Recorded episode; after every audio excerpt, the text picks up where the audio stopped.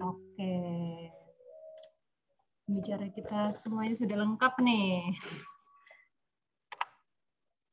Oke, langsung kita mulai aja ya. Uh, jadi acara sesi kali ini itu lebih kepada berbincang hangat karena di, di luar itu suasana itu sangat panas sekali.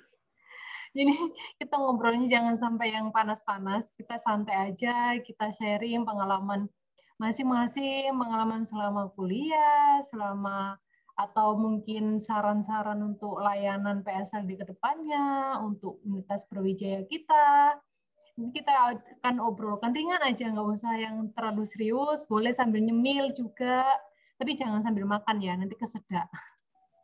Oke, okay. uh, eh, saya perkenalkan dulu mungkin ya bicara kita kali ini. Uh, bentar, saya buka contekan dulu untuk CV-nya. Oke, okay, um, sekarang kita ke Kak Rika dulu nih. Kalau nama lengkapnya Kak Rika itu adalah Rika Aprilia Hermansyah. Gitu.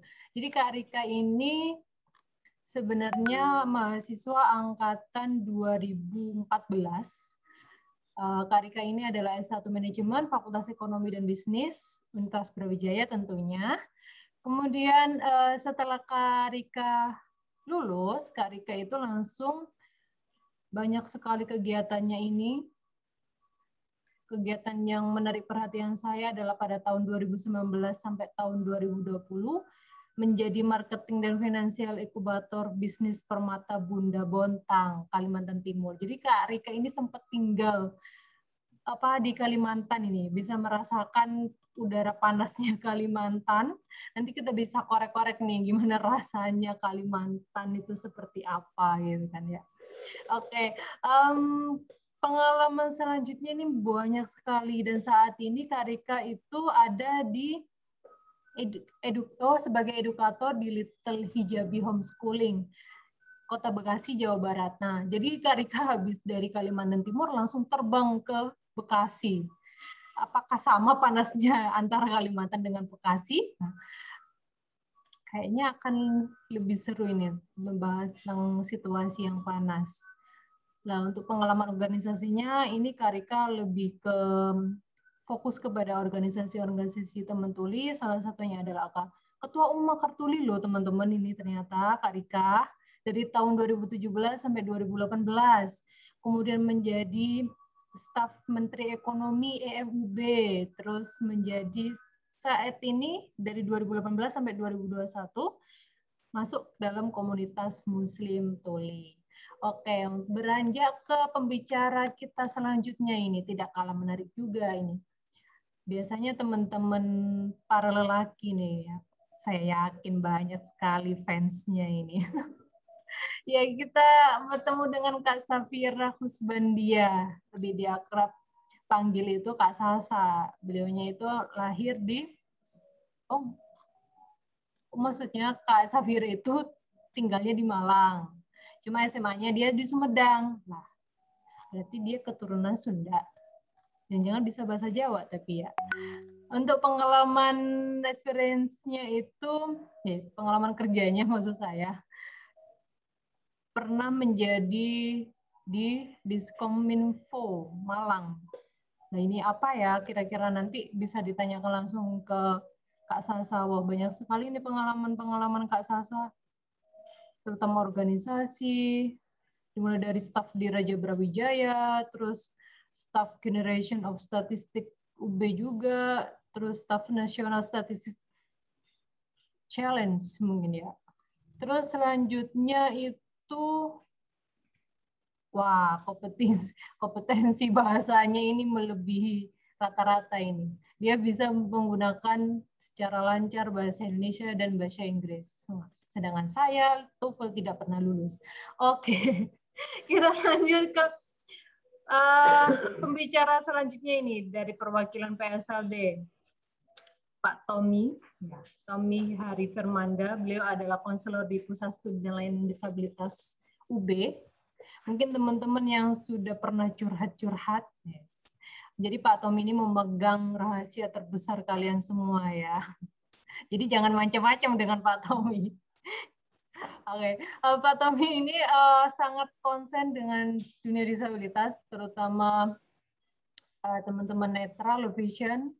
Beliau ini juga uh, tahun depan sepertinya ya. Jadi bapaknya saat ini tuh sudah menerima beasiswa dan akan berkuliah ke Amerika.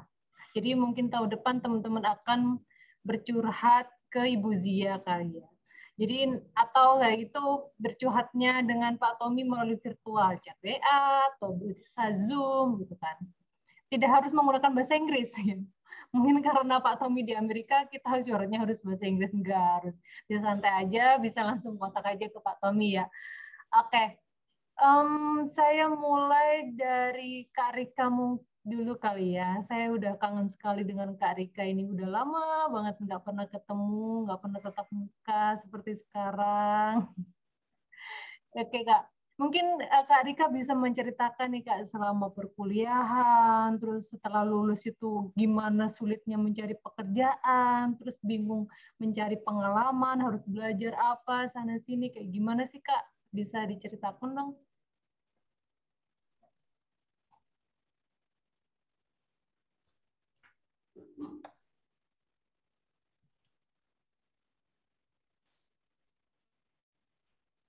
Baik, yang akan menerjemahkan adalah Akmarina, JBI Akmarina. Uh, suaranya sudah jelas terdengar ya?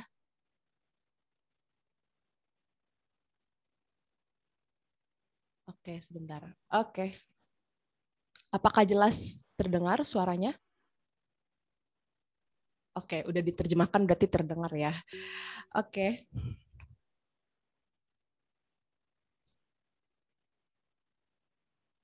Baik, Bismillahirrahmanirrahim. Assalamualaikum warahmatullahi wabarakatuh. Uh, Terima kasih sudah memberikan kesempatan, sudah mengundang saya ke, uh, ke acara ini untuk berbagi pengalaman gitu ya, khususnya berbagi pengalaman kuliah Oke, di sini saya akan uh, ya sedikit presentasi lah, sedikit sharing-sharing menggunakan bahasa isyarat, tapi saya akan didampingi oleh JBI yang akan menerjemahkan isyarat saya ke uh, dalam suara sehingga bisa akses juga bagi teman-teman tunanetra, bagi teman-teman yang uh, bisa mendengar. Nah, untuk teman-teman tuli bisa nih tolong diperhatikan saja nih saya ya untuk terutama tuli yang bisa menggunakan isyarat. Oke. Perkenalkan, nama saya Rieka. Isyaratnya seperti ini.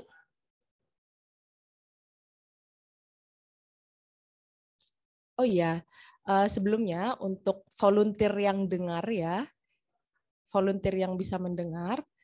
Nah, tapi mungkin sambil ditambah nih ya, sambil ditambah sambil latihan isyarat juga ya, sambil melihat isyarat saya. Nah, jadi sambil belajar isyarat pelan-pelan. Nah, harus bisa nih ya untuk teman-teman volunteer baru khususnya. Oke. Nah, aku di sini mau eh, ngobrol-ngobrol uh, aja sih sama teman-teman. Ngobrol-ngobrol santai aja di sini. Nggak yang serius banget, formal. Enggak kok. Tenang aja teman-teman, kita santai ya di sini. Nah, kalau misalnya teman-teman serius pastinya capek, pikiran juga capek gitu ya kan. Nah, jadi kita di sini ngobrol santai aja. Oke? Nah, Oke deh kalau gitu. Nah, di sini uh, saya lahir terlahir sebagai tuli menggunakan bahasa isyarat saya. Nah, saya sebetulnya apa? Oke, maaf. Saya oh saya uh, sebetulnya dari jurusan uh, manajemen Universitas Brawijaya.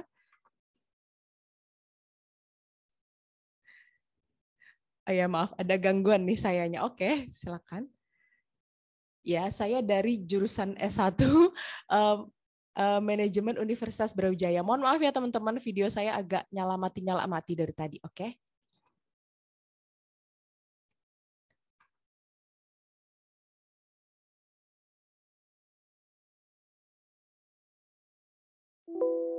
Saya masuk uh, dari angkatan 2014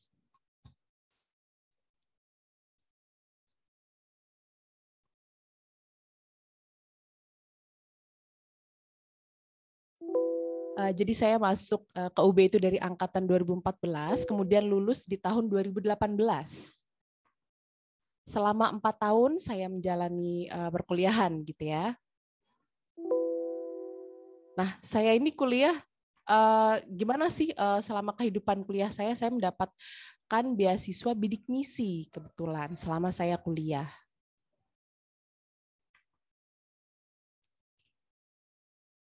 Nah, kemudian selama kuliah ini saya juga tetap terus berusaha untuk uh, tanggung jawab gitu ya dengan apa yang uh, telah saya uh, raih dan apa kewajiban saya yaitu uh, menjalankan uh, ngerjain tugas, uh, magang juga, ngerjain skripsi juga. Jadi saya nggak ada uh, selama perkuliahan itu merasa hamba uh, merasa menyerah gitu ya di tengah jalan. Nah di sini saya mau cerita nih, mau sharing-sharing sama teman-teman sedikit uh, mengenai pengalaman uh, uh, pengalaman saya dari awal saya masuk 2014 sampai lulus tahun 2018. Jadi setelah uh, saya lulus, saya nggak uh, mungkin uh, ada waktu uh, kosong sekitar tiga bulan. Jadi saya kerja di Kalimantan Timur di kota Balikpapan. Nah, jadi saya langsung uh, dapat kerja, panggilan kerja di Balikpapan. Nah, jadi saya oh saya ngajar anak-anak PAUD awalnya di situ. Nah, saya karena saya melihat bahwa sekolah ini tuh umum tetapi uh, ada beberapa uh, anak-anak tuli yang masih kecil yang uh, bergabung di PAUD tersebut. Nah, saya di situ yang menjadi edukator, saya yang mengajar.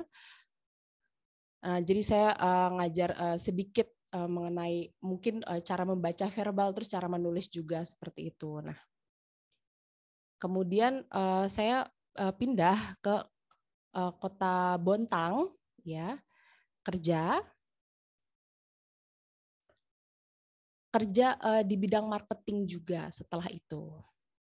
Nah tempatnya ini inklusif. Tempatnya ini termasuk inklusif karena kita uh, bergabung ya antara ada orang tuli, ada orang dengar juga. Nah, tapi ternyata bosnya ini alumni UB. Jadi yang uh, tempat kerja saya di Bontang ini alumni UB juga ternyata sama ya kayak saya nih. Nah, tempatnya ini namanya inkubator bis nih inkubator bisnis. Jadi uh, selama saya bekerja di situ saya merasa uh, oh uh, gampang ya kerjanya karena udah inklusif. Saya kemudian dua tahun setelah itu saya resign. Nah, kenapa saya resign? Karena saya merasa jauh banget tempatnya dengan tempat tinggal saya. Jadi saya harus jauh banget nih ke Kalimantan gitu ya. Nah, akhirnya tiba-tiba ada kesempatan nih kerja di uh, The Little Hijabi namanya. Ya, The Little Hijabi. Nah, ini adalah sebuah homeschooling The Little Hijabi itu. Nah, The Little Hijabi ini adalah homeschooling khusus anak-anak tuli. Nah, jadi ada anak-anak tuli, kemudian ada juga anak-anak cerebral palsy, kemudian ada juga anak-anak eh, Down syndrome seperti itu. Nah, gimana nih caranya ngajar saya tuli? Nah, saya mengajar pakai isyarat. Jadi ya uh, untuk Uh, mungkin untuk yang teman-teman disabilitas beberapa mungkin ada yang tahu ya The Little Hijabi karena ini cukup terkenal di uh, seluruh Indonesia seperti itu. Nah, aksesnya ini menggunakan uh, bahasa ada dua, ada bahasa Indonesia, kemudian ada juga bahasa isyarat. Jadi digabung gitu ya. Nah, berbeda sekali dengan SLB sistem pengajarannya di sini sampai sekarang itu kita mengajarnya itu ya tetap seperti itu menggunakan dua bahasa itu.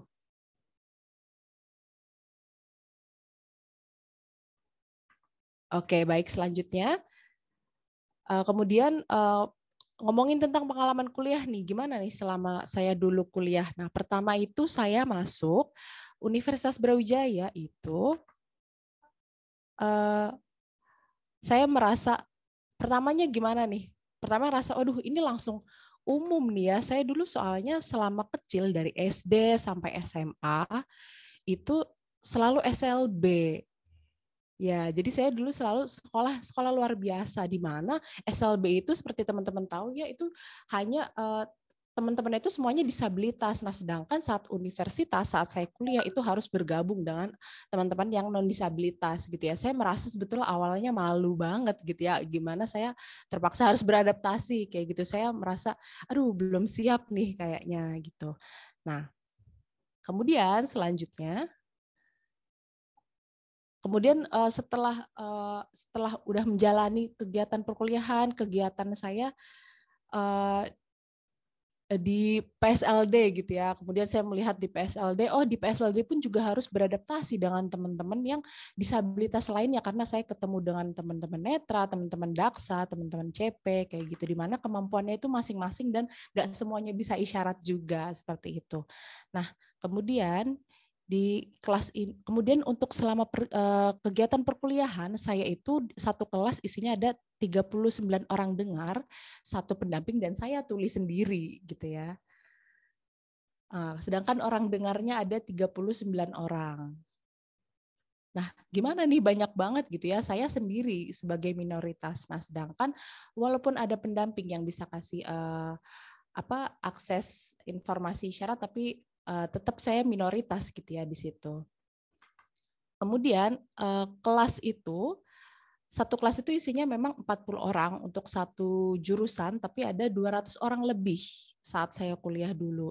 Nah, tapi setiap mata kuliah kelasnya itu pastinya ganti-ganti gitu ya. Teman-temannya juga ganti-ganti. Jadi nggak yang tetap 39 orang ya. Jadi ya campur-campur terus tiap hari beradaptasi lagi beradaptasi lagi. Ini namanya siapa ini namanya siapa. Akhirnya harus kenalan lagi setiap uh, ganti kelas gitu ya dengan teman-teman yang wajahnya fresh wajahnya baru.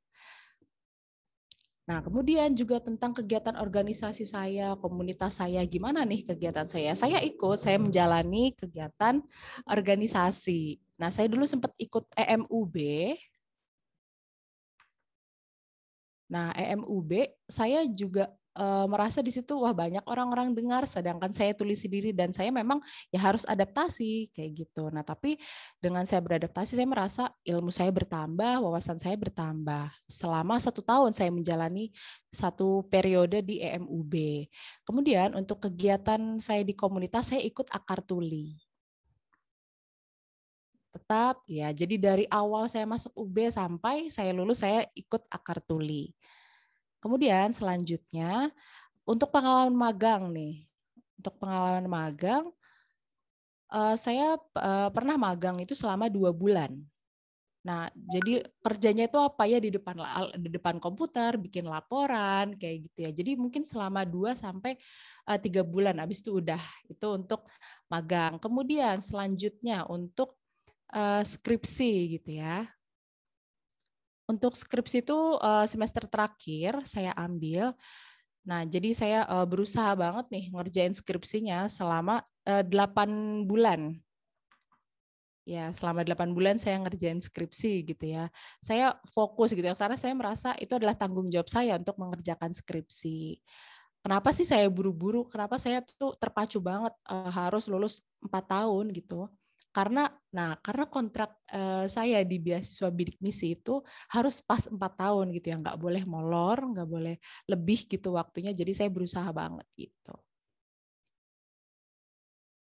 Oke. Nah untuk teman-teman semua disabilitas ada tuli ada netra ada mungkin di sini ada juga mahasiswa akhir gini ya ada yang angkatan tua gitu ya di sini ya. Mungkin bingung Uh, kalau misalnya kalian bingung gitu ya menjalani perkuliahan, boleh silahkan tanya kepada senior, minta sharing-sharing pengalaman terhadap uh, apa tentang eh, kakak-kakak yang sudah lulus gitu ya. Nah, gimana nih rasanya dulu uh, merasa tuli sendiri menjadi kaum minoritas di kelas. Nah, ya nggak apa-apa gitu. Kita lihat kondisinya gimana. Atau mungkin untuk yang teman-teman tunanetra juga, teman-teman daksa juga. Nah, bagaimana sih aksesnya dulu gitu misalnya. Boleh silakan sharing-sharing dengan seniornya. Nah, jadi memang penting gitu ya kita untuk bisa beradaptasi gitu ya. Yang penting uh, untuk bisa uh, nyaman gitu dengan lingkungan kita, bersosialisasi dengan lingkungan kita di kelas. Nah, tapi bahasa. Nah, sekarang aku akan uh, bahas tentang bahasa gitu ya. Bahasa itu uh, beda gitu ya. Untuk misalnya contoh nih gini, untuk teman-teman tunanetra, teman-teman uh, daksa, teman-teman CP, uh, pasti kalian kalau berbahasa gitu ya berkomunikasi menggunakan bahasa verbal gitu ya, menggunakan bahasa Indonesia. Sedangkan untuk teman-teman tuli itu uh, semuanya punya kemampuan untuk oral. Nah, uh, sebagian uh, sebagian besar gitu ya menggunakan bahasa isyarat. Nah, di mana uh, memang kalau misalnya untuk tuli jika uh, beradaptasi gitu ya dengan lingkungan yang baru ya bisa nih uh, tukeran ilmu gitu ya belajar bahasa Indonesia kita kita ngajar syarat kayak gitu. Uh, misalnya bingung nih bahasanya uh, bahasanya gimana nih ya gitu ya. Oh ya, saya mau menjelaskan se, sebuah fakta gitu ya. Jadi di dunia ini ada jumlah orang tuli gitu ya ada 70 juta gitu ya untuk seluruh dunia. Nah, tapi untuk akses untuk aksesnya untuk akses di untuk akses uh, pendidikan gitu ya. Untuk akses pendidikan dari SD sampai SMP, kemudian SMA, kemudian sampai uh, tingkat yang lebih tinggi yaitu jenjang universitas, semuanya yang mendapat akses itu cuma dikit loh. Cuma 20% itu untuk di seluruh dunia yang mendapat akses sampai ke uh, jenjang pendidikan yang lebih tinggi. Nah, sedangkan ketika kita berbicara uh, tentang Indonesia gitu ya, ketika kita berbicara tentang Indonesia, nah totalnya berapa nih jumlah uh, penderita uh, orang-orang tuli gitu ya? Ada 2 sampai 3 juta orang tuli. Gitu ya. 2 sampai 3 juta orang tuli ya di Indonesia gitu ya. Sedangkan yang mendapatkan akses pendidikan itu berapa? 0,1 persen. Nah itu betul-betul ketimpangannya sangat jauh sedikit jauh sekali gitu ya teman-teman ya. Jadi bisa dibayangkan sendiri ada 2 sampai 3 juta tapi hanya 0,1 persen yang mendapatkan uh, akses ke pendidikan gitu ya. Nah ini hal ini juga terjadi gitu ya sama teman-teman disabilitas yang lain gitu ya di mana uh, aksesnya ini untuk pendidikan yang lebih tinggi tuh mungkin uh, belum uh, uh, belum setara seperti itu. Oke, nah di sini sekarang saya mau uh, tanya dengan teman-teman semua, disabilitas Oke, jadi disabilitas itu siapa sih? Disabilitas itu apa? Nah, jadi aku mau tanya nih sama teman-teman semua di sini. Mungkin bisa raise hand gitu ya, ada yang mau jawab, silahkan. Volunteer boleh, mahasiswa difabel boleh, silahkan. Ada teman-teman netra, di sini ada teman-teman autis gitu ya, silahkan. Ada yang mau jawab, jadi disabilitas itu apa ya? Atau siapa gitu deh. Silakan nih teman-teman boleh raise hand atau mungkin boleh kode-kode di video gitu ya.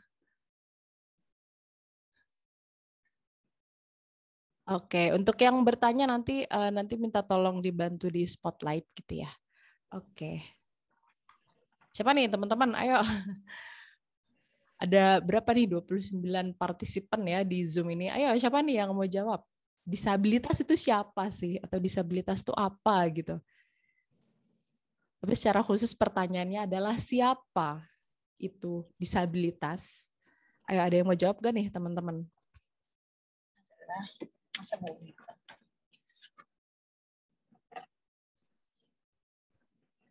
Oke, nggak apa-apa teman-teman dengar mau bilang juga nggak apa-apa, mau jawab gitu ya, sorry, mau jawab juga nggak apa-apa. Atau Mbak Rahma nih, Mbak Rahma ada Nastiti, oh mau jawab nih Nastiti, ada uh, ya, ada siapa tuh tadi disebutin ada macam-macam ini ya tadi yang disebutin. Oh ada Rasya juga. Silakan yang mau uh, jawab disabilitas itu siapa sih sebetulnya? Pertanyaannya simple. Ini ayo teman-teman. Oh nggak ada yang mau jawab kak? Ada Kak Nastiti yang jawab di kolom chat Kak.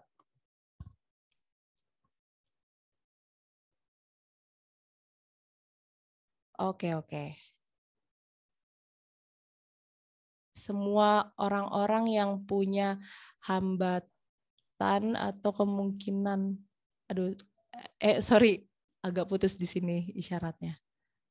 Oke, ada yang mau jawab? Silahkan. Disabilitas, sorry, sorry. Aku belum pin lagi. Bentar dulu ya. At, bisa di add spotlight gak panitia? Aku nggak bisa lihat lagi mau nerjemahinnya. Ini yang jawab ini adalah Arsa ya. Baik, disabilitas ini artinya apa? Disabilitas itu artinya adalah orang yang punya hambatan ketik apa itu tadi? Oh, hambatan hambatan uh, dari lahir. Oke, jadi uh, ada berbagai macam uh, jenis gitu ya.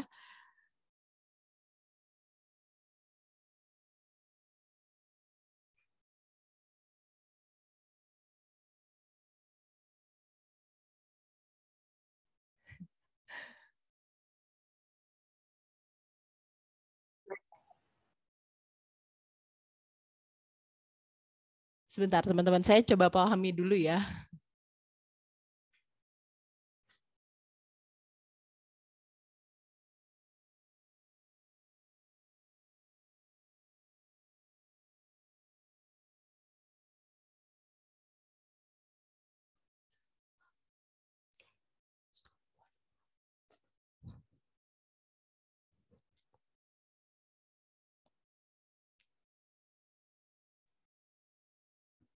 Mohon maaf nih teman-teman di saya nih sebagai penerjemah suara ini agak putus-putus nih uh, videonya Arsa. Baik, disabilitas ya, oke. Okay. Oh ya, banyak oke, okay, banyak masih ada orang-orang yang bilang uh, kata cacat dibanding kata disabilitas. Oke. Okay.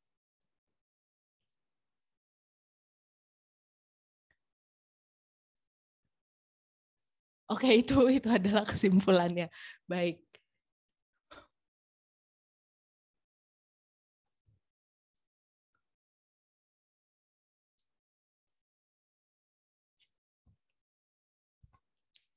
Baik, Arsa. Oke. Baik, itu tadi adalah jawaban dari Arsa gitu ya. Oke, kalau teman-teman yang lain kira-kira ada nggak nih yang uh, mau jawab juga disabilitas itu uh, siapa sih gitu? Mungkin teman-teman volunteer di sini ada yang mau jawab.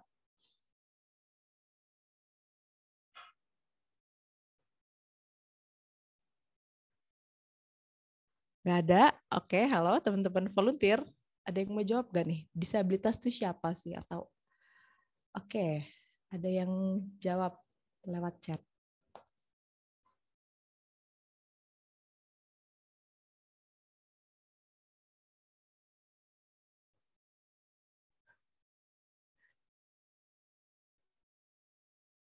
Fayonara. Oke, Fayonaru, Fayonara. Oke, ada dari Uchiha nih ya, ada yang jawab. Oke. Oke, udah dibaca nih. Jadi ada beberapa jawaban dari kolom chat. Nah, eh, oke, okay, disabilitas tuh mungkin ada yang jawab disabilitas itu adalah tuli, tunanetra, daksa, dan uh, kursi roda gitu ya, dan uh, dan lain-lain gitu ya. Nah, tapi dari oh ya tadi uh, Arsa ya Arsa bilang gitu ya, iya sama gitu ya sebetulnya.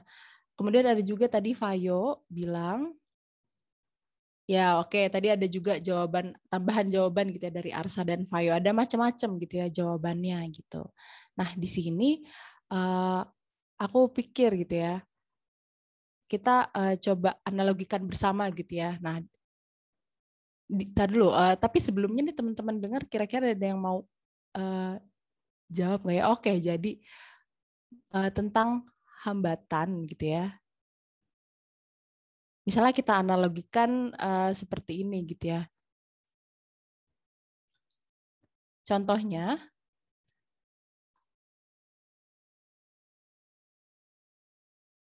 oke, contohnya nih, contohnya ada uh, orang tunanetra gitu ya, dia pakai bahasa apa untuk teman-teman tunanetra menggunakan bahasa apa? Bahasa Indonesia gitu ya, bisa secara verbal seperti itu. Nah, untuk misalnya teman-teman tunadaksa menggunakan bahasa apa? Bahasa Indonesia. Oke, bahasa Indonesia atau secara verbal gitu ya. Kemudian eh, teman-teman uh, tadi teman-teman daksa ya, teman-teman daksa menggunakan bahasa Indonesia gitu ya.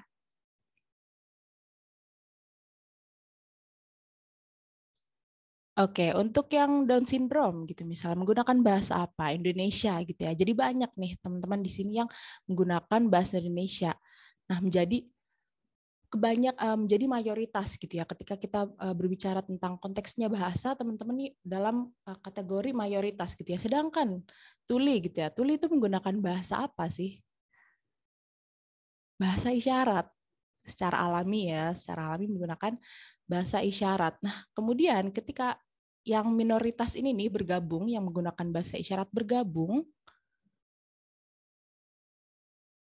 nah kita akan menjadi minoritas dalam kelompok tersebut, di mana kebanyakan orang-orang banyak menggunakan bahasa Indonesia, sedangkan kami menggunakan bahasa yang berbeda, gitu ya. Nah, kemudian di sini uh, berpikir nih, oh ya disabilitas itu berarti uh, tuli itu termasuk ya disabilitas gitu ya. Karena apa? Karena bahasanya yang berbeda gitu ya. Oke, nah contoh lain nih misalnya kita uh, coba pikir bersama. Misalnya nih orang dengar gitu ya menggunakan bahasa Indonesia kan pastinya menggunakan bahasa verbal. Gitu ya. Orang ya orang dengar tuh orang bahasa Indonesia bisa, bahasa Inggris bisa gitu ya. Kemudian di dalam Uh, kemudian ada nih sekelompok orang yang menggunakan bahasa Jepang gitu ya. Nah, ketika satu orang dengar ini gabung gitu ya uh, ke dalam suatu kelompok yang berbahasa Jepang gitu ya, sedangkan dia hanya bisa menguasai bahasa Indonesia dan bahasa Inggris, ketika bergabung gitu ya pasti akan kebingungan gitu ya karena beda bahasa. Akhirnya butuh effort lagi untuk uh, belajar. Nah di saat kondisi seperti itulah dia bisa dikatakan disabilitas seperti itu teman-teman atau misalnya contoh lain gitu ya. Misalnya di sini ada sebuah uh, sekelompok uh, disabilitas netra atau uh, disabilitas uh, daksa kursi roda gitu ya di dalam sebuah kelompok. Kemudian tuli yang menggunakan isyarat. Nah, bagaimana nih caranya ingin gabung gitu ya dalam kelompok yang uh, secara bahasa dia itu adalah kelompok uh, mayoritas gitu ya. Supaya supaya kita uh, tidak lagi terhalang uh, dalam uh, kata disabilitas tidak terhambat lagi gitu ya.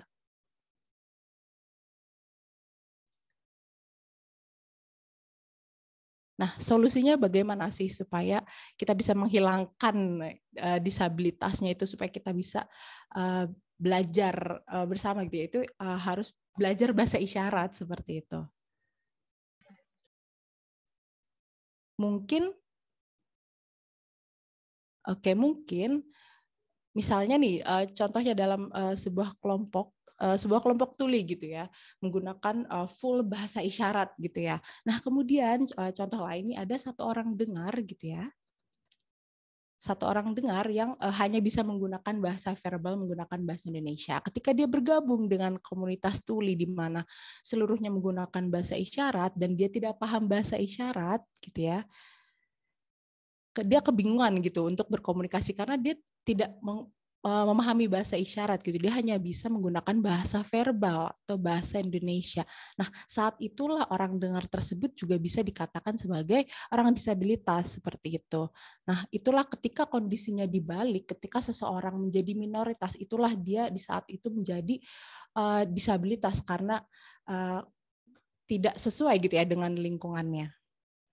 Kemudian ketika dia nanti belajar bahasa isyarat, gitu ya, orang dengar itu belajar bahasa isyarat, dia tidak akan lagi nih menjadi disabilitas seperti itu. Ya, jadi seperti itu uh, analoginya gitu ya.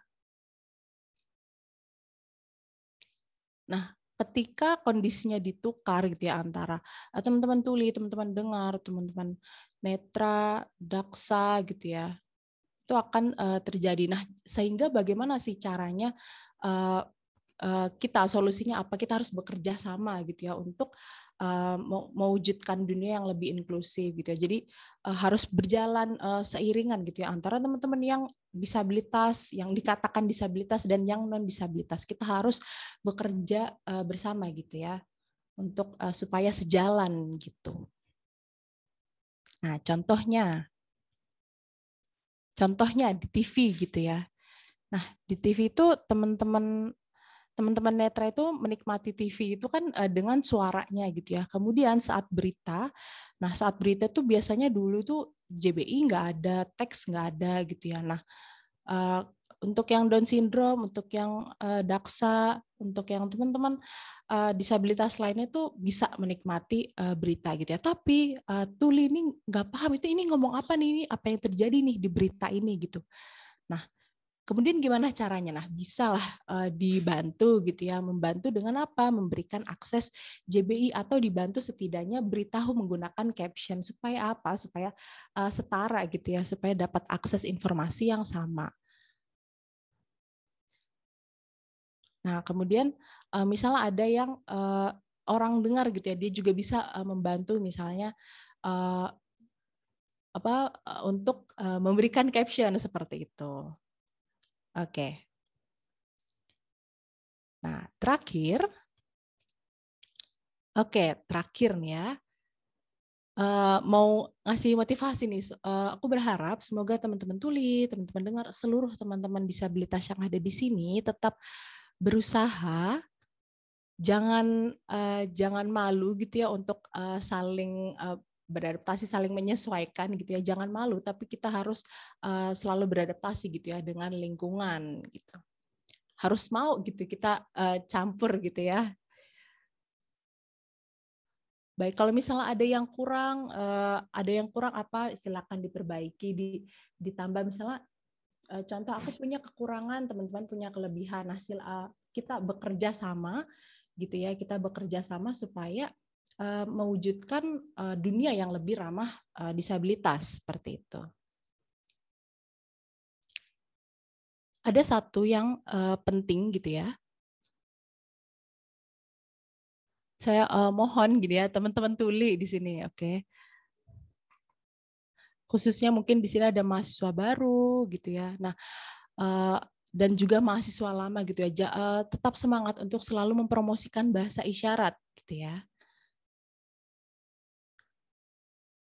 Contohnya nih, kalian uh, belajar gitu ya di dalam kelas. Nah, di mana teman-teman dengarnya ini hampir semuanya mayoritas teman-teman dengar gitu ya. Nah, mungkin teman-teman selalu bergantung gitu ya dengan pendamping PSLD, misalnya uh, aduh nggak mau ah ngobrol sama teman-teman yang lain, maunya ngobrol sama teman-teman pendamping PSLD aja gitu, cuma sendiri. Nah, itu nggak boleh ya teman-teman kayak gitu karena uh, di PSLD ini ya J, pertama JBI atau pendamping PSLD itu dikit.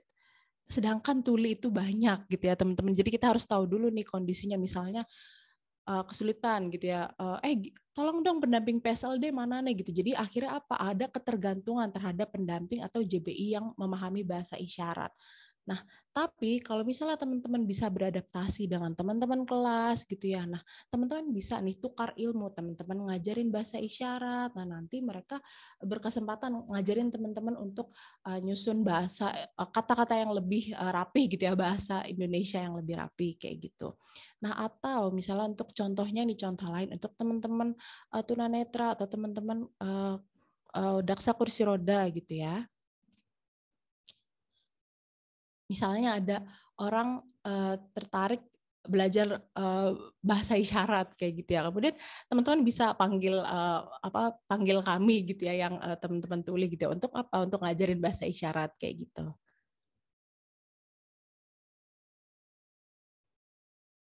Oke, jadi uh, semangat teman-teman semua teman-teman disabilitas gitu ya. Untuk yang uh, masih angkatan muda, angkatan tua gitu ya. Mungkin ada sekarang ada juga yang lagi magang, lagi skripsian gitu ya. Jadi semangat teman-teman semua.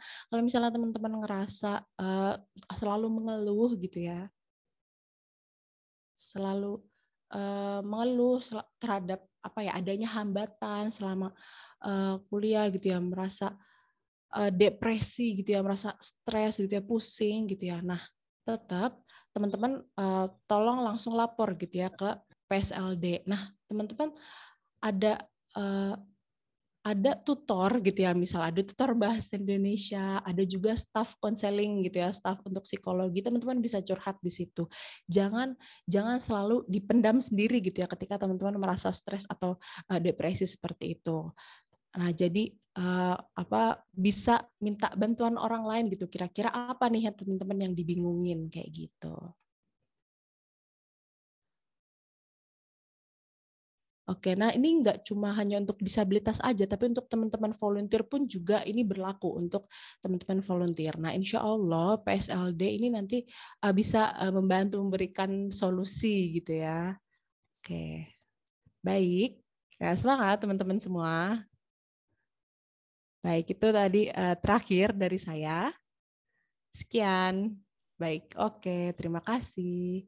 Uh, maaf kalau misalnya tadi uh, saya ada salah Eh, perkataan atau salah uh, salah isyarat gitu ya. Saya mohon maaf. Baik, oke. Okay.